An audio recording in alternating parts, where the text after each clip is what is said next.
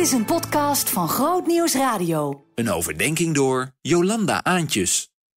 Jezus leed ons vandaag bidden: Onze Vader, breng ons niet in verzoeking. Integendeel, verlos ons van de boze. Verzoekingen, verleidingen, bekoringen, beproevingen, hoe je het ook allemaal noemt, het maakt dat je niet in alle ruimte de liefde van God de Vader kunt ontvangen. Het woord geeft iets aan van duisternis, van gebondenheid. Hoe kom je nou los van die gebondenheid? Soms is daar therapie voor nodig, een arts, een hulpmiddel. Wie vastzit aan foute eetpatronen kan baat hebben bij een diëtist. Maar loskomen van het kwaad gaat een stap dieper. Daar is verlossing, bevrijding voor nodig. Het kwaad is de satanische macht in de wereld die uit is op onze losmaking van God de Vader. Jezus leert ons dan ook bidden. Ontruk ons aan die wurgende greep van verzoekingen die ons van Gods liefde afhouden. Dat kunnen we zelf niet. In Matthäus 26 lezen we over de tuin, de hof van Gethsemane. In de nacht is Jezus daar met zijn leerlingen.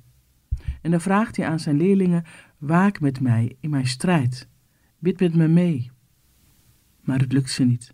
Ze vallen in slaap en ze hebben amper door wat er gaande is, hoe kwade machten zich om Jezus heen vormen. Jezus ging de weg, stierf en was zo in de hel van gebondenheden, verzoekingen, oorlog, kwaad van duisternis.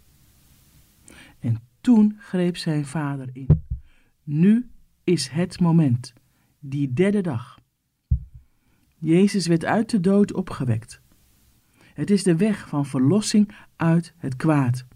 De wurggreep van de dood is verbroken. Ik zeg het met een paar zinnen, maar eigenlijk is dat niet te bevatten. Niet voor te stellen en het gaat je verstand te boven. Als ik erover vertel, hoor ik mezelf vaak stamelen en aarzelen. En, tegelijk, ik kan niet anders, want als dit niet waar is, dan stop ik nu met mijn werk in de kerk. Er is vrijheid, er is verlossing voor wie zijn hulp zoekt bij God de Vader. Die met liefde op je wacht, uitgestoken armen. Je hoeft niet vast te zitten aan verzoekingen. Iemand anders heeft voor jou die touwen doorgesneden. Een vergelijking met een ganzenbord. De vergelijking gaat soms een beetje krom, maar toch vergelijk het met een ganzenbord, dat bordspel. Je gaat het spelbord vlotjes rond, totdat je in de put komt met je pionnetje. En je weet, in de put, je kunt proberen wat je wilt, maar eruit komen alleen lukt niet. Er is één manier bij ganzenborden om uit de put te komen. Iemand anders moet op jouw plek komen. Dan zit die in de put en ben jij vrij om te gaan. Nou, dat is de verlossing. Jezus is voor jou die weg van de put al gegaan. Kom je erin, kun je gelijk verder. Hij heeft die gebondenheid verbroken. De put heeft geen macht meer over jou. Hij heeft je, Jezus heeft je, verlost van de boze. Waaraan zit jij gebonden? Eer aan de Vader en de Zoon en de Heilige Geest. Zoals het was in het begin en nu en altijd en in de eeuwen der eeuwen.